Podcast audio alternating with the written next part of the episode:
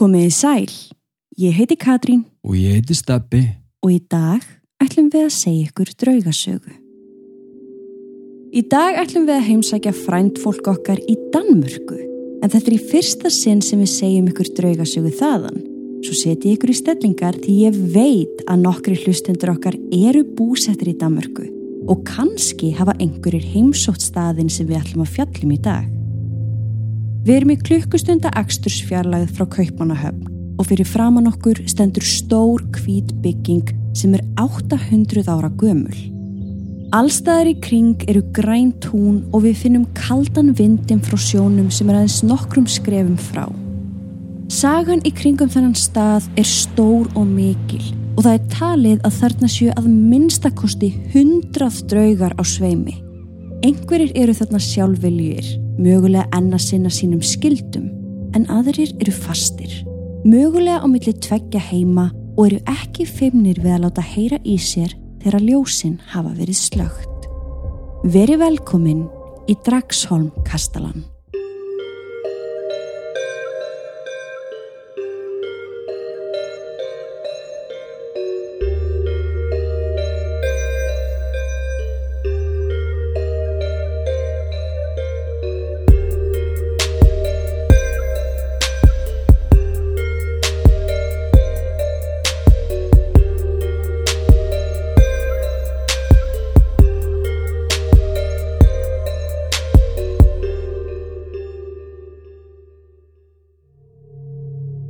Við viljum minna á að draugarsöðunar okkar eru ekki við hæfi barna yngri en 13 ára nema með leifi fullorna.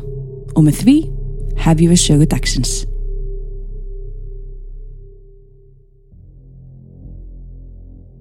Þessi fallegi hvíti kastali er ein af eldstu byggingum Danmerkur og í dag er búið að breyta henni í Luxus Hotel.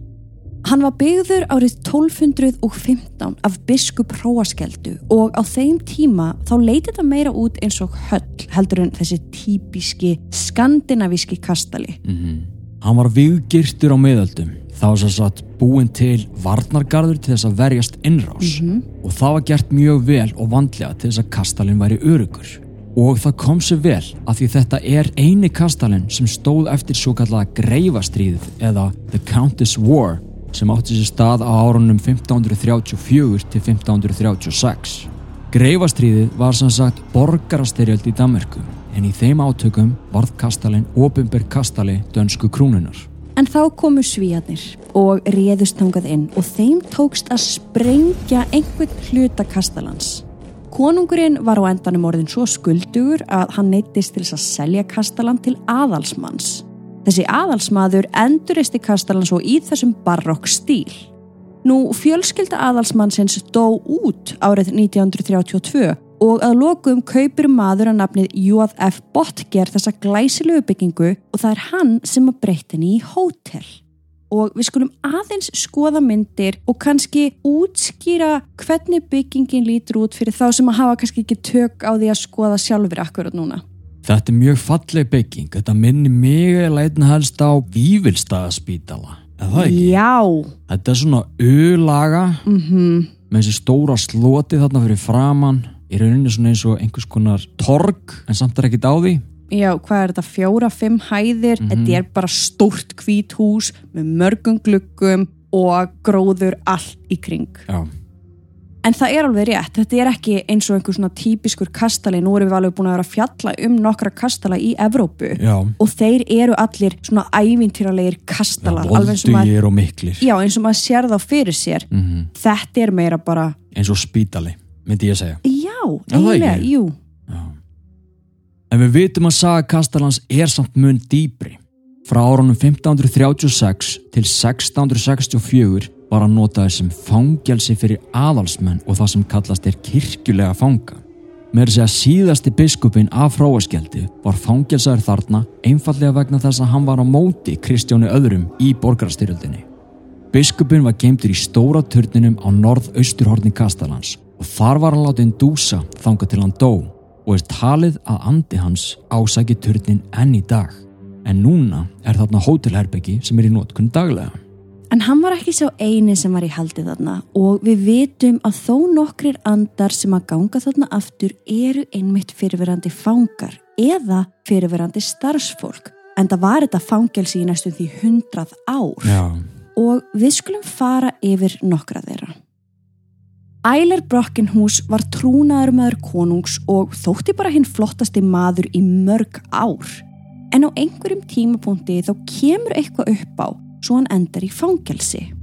Ég fann ekki út af hverju hann var fangelsaður eða hversu lengi hann var þarna en við vitum að á endanum mistan gjörsamlega vitið. Hann byrjaði vist að tala einhverja algjöra þvælu og hann hætti ekki að tala sama hvað, dag og nótt.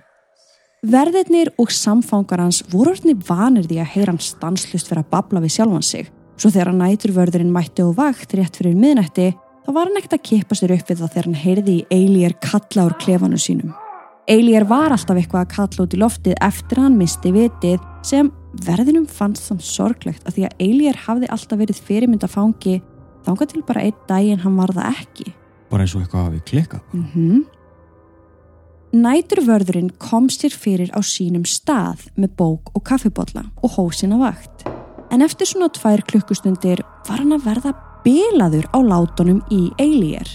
Hann var visslega alltaf með læti en hann var ekstra slæmur þetta kvöldið. Svo hann kallar til hans að halda sér saman og oftast þá virkaði það en ekki þetta skiptið. Eilíer fór að kalla hærra og meira.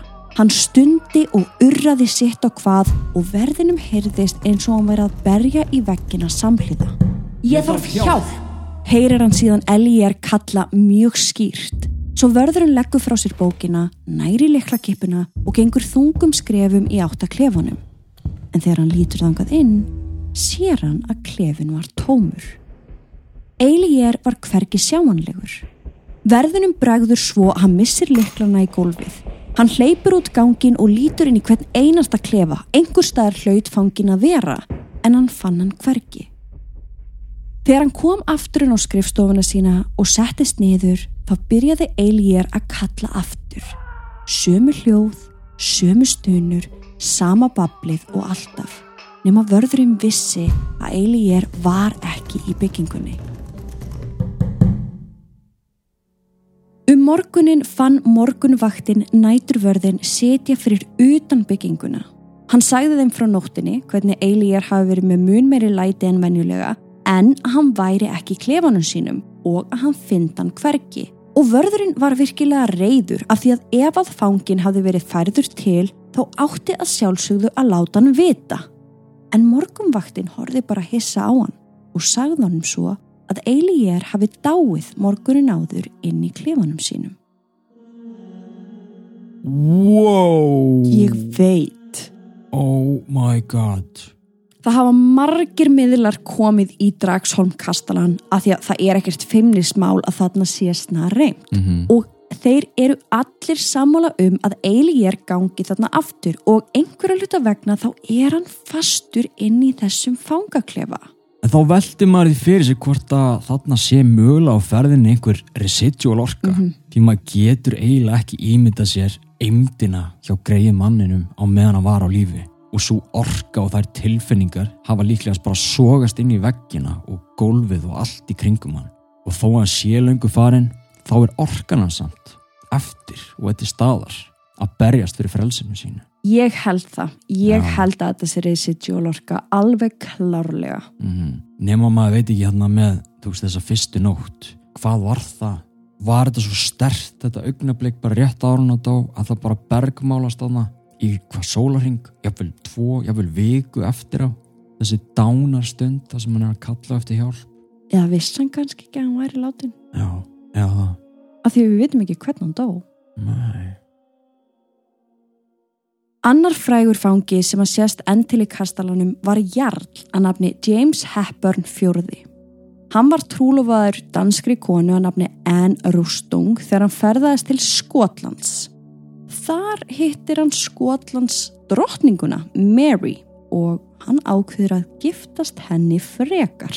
ok Hann var síðan sagaður um að hafa átt aðild að morði á fyrirfyrandi eiginmanni drottningarinnar og þá ákveður hann að flýja aftur heim til Dammerkur. En þanga var hann ekki velkomin því að fadrinnar enn, muniði, konunar sem að hann var trúlufaður í fyrstu, muniði, Já, sem hann hætti við. Hann var brjálaður en það hafði niðurlægingin verið algjör. James var síðan handtekinn og það kom í ljós að líklegast hafðan drepið fyrirverandi eigimann drottningarinnar en hann var líka sagaðar um að hann var rænt henni, Drottningunni? já, Ha? í einhver tíma nöðgað henni og neitt hana í hjónaband með sér. Wow, ég á ekki til orð. Honum var komið fyrir í fangelsinu í Dragsholm kastalanum en þar var hann hlekkjaður við vegg og pindur í tíu ár þá til hann dó 44 ára gamall. Hann var grafin þarna skamt frá en það kom svo í ljós einhverju setna að sjávarloftið eða eitthvað í jarðveginum hafði gert það að verkum að líkið hans var mjög vel með farið. Hmm, Svo hann var að lokum grafin upp endanlega ok. komið fyrir í opinni kistu og líkið hans var til sínis á Fredriksborg safninu í Kaupanahöfn. Er þetta að sjá þetta þá í dag? Sko samkvæmt mínum heimildum held ég að hann sé ekki lengur þáttum til sínis en ég gæti verið að fara með rátt mál svo ef það eru einhverjir að hlusta sem eru búsettir í Kaupanahöfn og hafa jafnvel farið á safnið þá má ég þið endurlega leiðrættu mig því ef að líkið hans er enn þarna til sínis þá ætlum við að fara ángað. Bara á stundinni? En þú sérð myndina sem ég let fylgja þetta með í handritinu. Er þetta ljósmynd eða er þetta bara svona teiknumynd, veistu það? Þetta er málverk Já, sem, ok. sagt, sem á í rauninni að sína hvernig líkamsleifar hans voru byrjar að líta út. Hann er svona ennþá með hár á höfðinu. Hann er greinilega með húð ennþá á höfuð kúpunni. Ég veit ekki hversu langt samt listamæðurinn Nei, leifði sér að fara, sense. skiluru, þannig Já. en þetta á svona að, að sína einhvern veginn að, þarna er hann ennþá. Já, en þú sérð alveg andlitstrætti. Já, já. Ég held að það fara ekkert á milli mála að James lifði á dramatískan hátt og hann dó á dramatískan hátt. Það er því kannski ekki skrítið að hann gangi aftur, en það er samtalið áhugavert að pæla hans í þessu að því hann heldur sér ekki í klefanum sínu gamla eins og fangin og undan. Nú, Heldur sérst til hans fyrir utan fangelsið í hestvagni sem er á leið að kastalanum. Ó, og sumir segja að þarna sé hann í vagninum sem að bar hann í fangelsið í upphafi og meðan aðrir vilja meina að þetta sé vagnin sem að bar líkistun hans út úr fangelsinu. já, spurning hvort að þessi hestvagn sé á leiðinni að fangelsinu Já. eða frá því. Já. Nú ef hann er ekki fyrir utan þá er hann að vafara um gangana en hann veriðist algjörlega vera í sínum eigin heimi sem hann líklegast er. Mm Hann er ekkert að kippa sér upp við lifandi fólk sem er í kringum hann og maður veldir því fyrir sér hvað honum standi til á því döðanum. Af hverju er hann komin aftur á þennan stað þar sem hann var píndur í tíu ár? Já, Er hann að leita eftir hemmt eða hvað heldur þú? Hvað heldur þið? já, ég held að mikið af þessu sé örgla residual orka, en kannski veit hann heldur ekkert að hann sé látin. Nei, mér persónulega fannst einhvern veginn eins og það væri hemdarhugur aðna. Já, Mér fannst ég svona að skinja það. ég get alveg trúa því að því hann er greinilega ekki bara bundin við þennan fangaklefa eða hvað er kannski ekkert þar. Hann er bara á göngunum og er fyrir utan. Já. Þannig að kannski er hann einmitt að leita að einhverjum til þess að efna sína.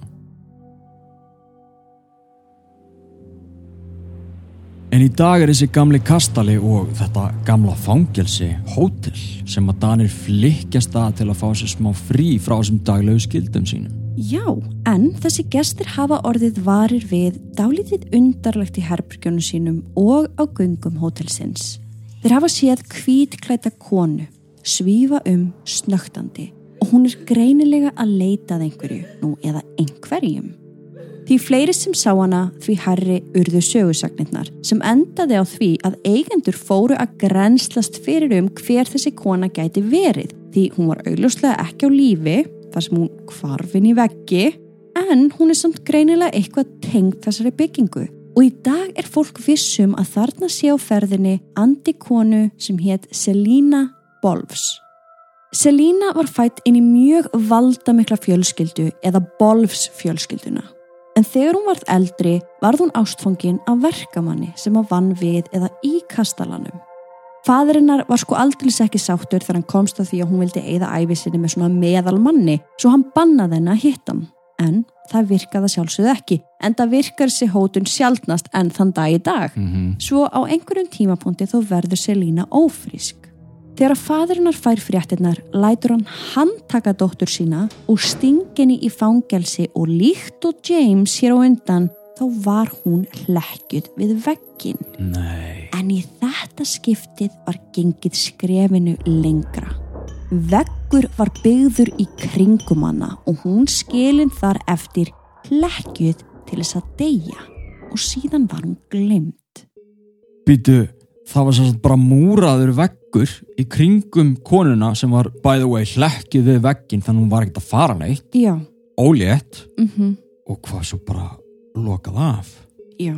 og eiparast Um þetta leiti byrjuðu sögusagnir því enginn vissi hvað hefði orðið af greiði konunni en þetta var bara það, bara saga sem að breyttist síðan í draugasögu sem hafði samt engar haldbærar heimildir á bakvið sig. Árið 1930 voru svo verkamenn að störfum í byggingunni. Þegar þeir brjóta loksist niður þessa veggi finna þeir líkamsleifar konu sem var greinilega klætt í hvítan kjól og það kom í ljós að þarna var Selína loksins fundin. Eftir að þessi saga komst upp á yfirborðið finnst fólki ekki skrítið að greið konan finn ekki frið í hjartanu sínu til þess að halda áfram yfir móðuna miklu. Við reynum kannski að ímynda okkur hennar seinustu daga í myrkrinu, lokuð inni, en ég held að við getum það ekki því tilugsunin er svo skelvileg. En í dag sést þessi kona enn og þeir sem að rekist hafa á hana að finna fyrir yfirgnæfandi sorg og það sem er kannski mest sjokkirandi er að líkamsleifarinnar eru í dag til sínis á hótelinu ha, og hér eru myndir. nei Sérðu þessar þrjár myndir og þau getið séð þar inn á. Patreon. Þú sérð, hér er veggurinn. Þetta er greinlega pínu líti pláss sem hún var Já. lokuð inn í og þú sérð hvar hún er. þeir hafa þá bara hætt við um leið og við sáu líkið og svo bara látið þetta eiga sig Ég held það og þú sérð beinagrindina og þú sérð kjólinn og þú sérð meira þess að balúnduna á kjólnum. já, já, já, sér tennurnar og þetta er hryllilegt Þetta og er það. eiginlega ekki skrítið að greiði konan gangi að aftur og hvíli bara ekkert í friði ef hún er bara ennþá í vegnum Sammála og ég er alveg rosalega hrifin af öllum svona fortleifum og vákvað ég væri til ég að fara þarna og skoða þetta. En á sama skapi þá hugsa ég af hverju voru líkansleifarnir ekki teknur og grafnar, af hverju fekk hún ekki jarða fyrr. Einmitt, maður er það líka. Og maður veit ekki hvað maður á að halda veist, sem við. Við myndum alveg pottitt faraðangað og kíkja á þessa líkamsleifar. Algjörlega. það er bara þannig, Já. ég segja það bara reynd út. En einmitt eins og þú segir á sama tíma af hverju var þetta ekki tekið henni gefið almennlega jarðaför og þá kannski fengi hún að hvíla í friði Það eru samt alveg nokkrar pælingar aðna. Ég veit að, þú veist, við hefum tekið þetta oft fyrir í sögum. Oft þá þarf fólk bara að stoppa. Þess, ef það eru einhver verkefni í gangi Mhm. eða ef verið að grafa eitthvað upp og það er rekist á líkansleifar, þá þarf að hætta að já, Það er bara í lögum sumstæðar að Já, það já. má ekkert gera Mhm. og það gæti alveg verið í þessu tilfelli og annað líka, fólk er svo hrætt við að færa til líkansleifar þannig að þetta er í rauninni líka gert af ákveðni virðingu. Já, já, já, ég skil það. Já, það meikar sens Já, þannig að það er alveg margt í þessu. Mhm. en það er ekki engungu sorgmættir andar sem að halda sér þarna í eftirlífinu Það er önnur kona sem að gestir og starfsfólk hefur orðið vart við og er hún í dag kölluð gráklæta konan gráklæta kona, Ah. það er alltaf bara hvítklæta, gráklæta og svo, svartklæta og hvað, bláklæta já, sjaldnast sjaldnar, já, En það er greinlega hægt að skilja þær þarna tvær í sundur, þarna gráklætu og hvítklætu. Já. Þetta er ekki sama kona. nei Þessi kona, hún virðist alltaf vera að og áða til að hjálpa til við að leggja borð eða ganga frá. Auðvitað sér starfsfólki bara glös hreyfast eða diskað færast úr stað en þau eru vissum að þarna sé á ferðinni gráklæta konan og að hún sé engungu að reyna að vera hjálpsum. Af því að hún var eitt sinn vinnukonaðan í kastalunum sem hétt Louisi Katrína. Ó, Hún kom frá fátækri fjölskyldu en hún var hörku duglegur starfsmæður. Nefna einn daginn þá rænir hún silfri frá hjónunum sem þarna byggu en það komst upp. Húsfræjan ákvað að fyrirgefinni þetta og í staðin fyrir að rekana þá gaf hún henni stöðuhækkun. Ó, undarlegir atbyrðir þarna. Smá en eftir þetta var Louisi Katrína yfir öllu starfsfólki Kastalans og hún stal aldrei á þeim framar. En svo einn daginn þá fær hún þessa svakalegu tannpínu. Húsbóndi Kastalans kendi í brjóstum hana svo hann gefur henni einhvers konar grísju sem að sló á sásugan. Louisi var afar þakklátt en því miður þá lést hún skömmu síðar. Út af þessu? Sko hvort hún hafi dáið út af þessari tannsíkingu eða einhverju öðru er ekki vitað. En fólk vil meina að hún sé enn í dag að sína þakklæti með því að hugsa vel um kastalan eins og hún gerði er hún lifði. En þó að hún sé hjálpsm í dag þá kann hún mjög illa við breytingar eða hálfklárið verk. Það er svona eins og hinn típiski draugur. Hún með megin illa við framkvæmdir og breytingar en hálfklárið verk. Já, sko ræstitæknar hótelsins lendu eitt sinn í einu atviki þegar þeir voru að búa um rúm. Það var nýbúið að kaupa gula skrautkotna til þess að setja á rúmið. Svo þegar rúmteppið var komið á var púðunum komið fyrir. Já, ég skil. Síðan fóru þeir inn á baðherbergi. Þegar þeir komu aftur fram þá var búið að henda gulu púðunum út á golf. Og þetta gerist aftur og aftur og aftur þangað til ræstitæknandir hætti að setja skrautpúðana á. Mm. Bara greinlega vildi ekki hafa það. Nei, ekki eitthvað svona nýtt. Nei. Annað atvik gerðist þegar mynd var færið á milli herbergja. Þetta var óskup venjuleg mynd af fólki á bát og húsum og tré en það hafði alltaf verið inn í ákveðnu herbergi. Þegar það var fært úr stað þá helst það ekki upp á vegg. Einhver raunverulega gerði í því að henda því niður aftur og aftur. Eigendur hótelsins vissu vel að þarna var Louisi á ferðinni að segja sína skoðun. Hún hafði ju einu sinni verið yfir starfsfólki Kastalans og hún var vön að skipa fyrir og taka ákvarðanir. En eigendum fannst tími til komin að hún gæfi nú aðeins undan. Já. Svo myndin var sett í stóran og þungan ramma og síðan var hún hengt upp aftur á nýja staðin. Og fekk hún að haldast þar? Sko, við vitum ekki alveg hvort að Louisi hafi tekið myndina í sátt á endanum eða hvort að rammin hafi hindrað að hún gæti hent myndinni af vegnum Mm. en hún hefur allavega fengið að hanga þarna í friði síðan.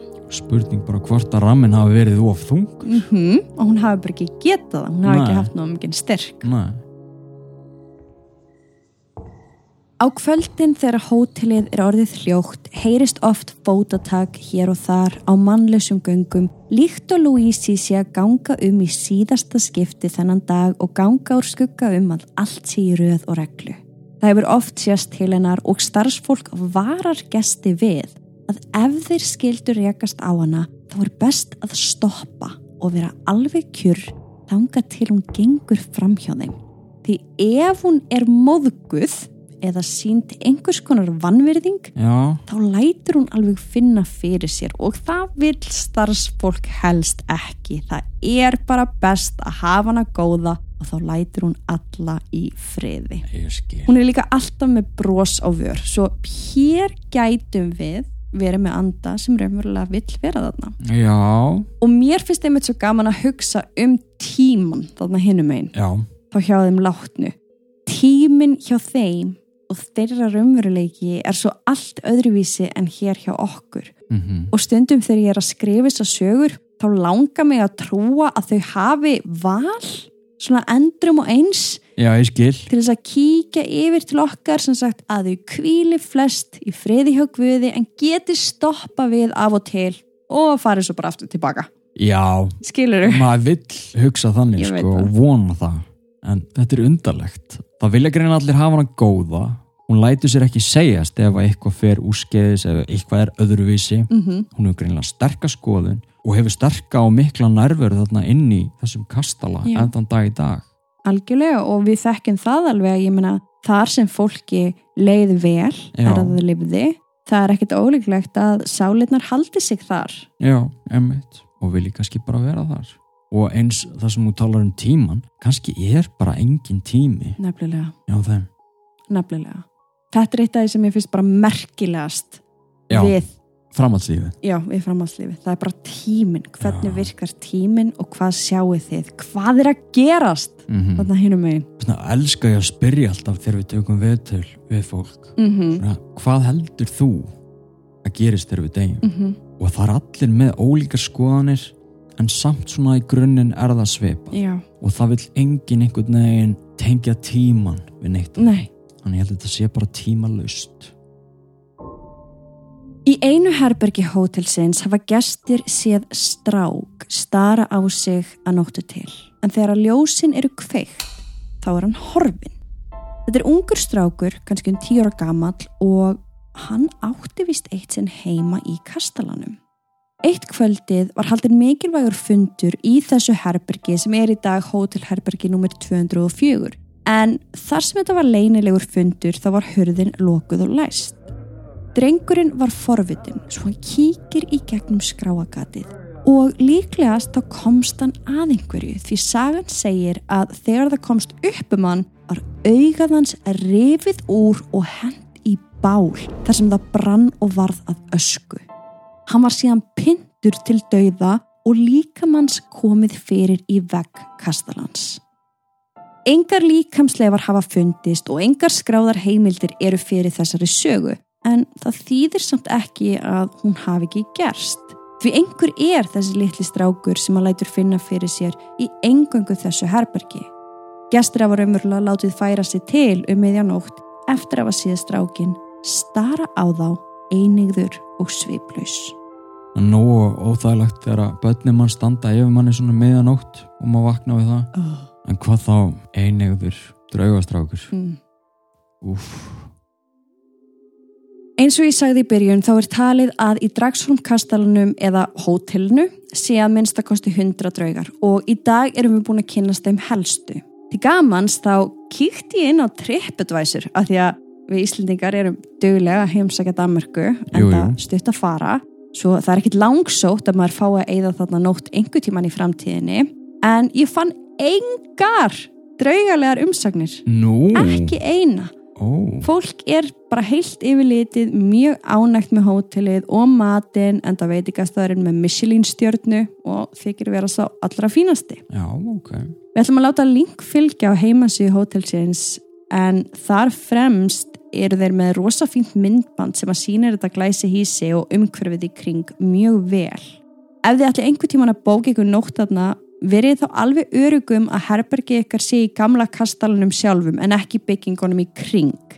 Ég held að það sé nöðsilegt að vera að í elsta hlutunum að maður vil eiga möguleika á því að upplifa draugagangin þarna af einhverju alvöru. Vá, hvað ég var í til í að fara á það Er það ekki? Jú Nú, ef það er einhverju sem hafa heimsótt hótelið þá er gaman að heyra frá ykkur og við minnum á að þið geti skrifað aðtjóðasemtir undir alla þætti hér á Patreon. Svo ef einhver vill deila með okkur sögu þá tökum við því að sjálfsögðu fagnandi. Annars þá erum við steppi núna stödd í Pólandi þar sem að steppi er að gangast undir aðgerð á spítala hér aðgerð sem honum var neitað um heima á Íslandi en er nöðsynleg svo hann geti haldið háfram að lifa lífinu. Við komum hingað í gær og steppi fyrir aðgerðina á morgun. Síðan mun hann þurfa að eigða nokkrum dögum á spítalanum og hér í Pólandi til þess að jafna sig áður en við getum flóið aftur heim. En við munum koma heim þann 16. desember. Svo þið megið endilega byggja fyrir honum og senda okkur allar fallegar hugsanir sem þið eigið. Við erum samt búin að taka upp alla desember þættina svo engar áhyggjur, allar sögur er á sínum stað. En okkur fannst bara sjálfsagt að láta ykkur vita hvað var að gerast í okkur þá sem að við erum nú bara svona eins og einn stór fjölskylda, þetta draugasögu samfélag.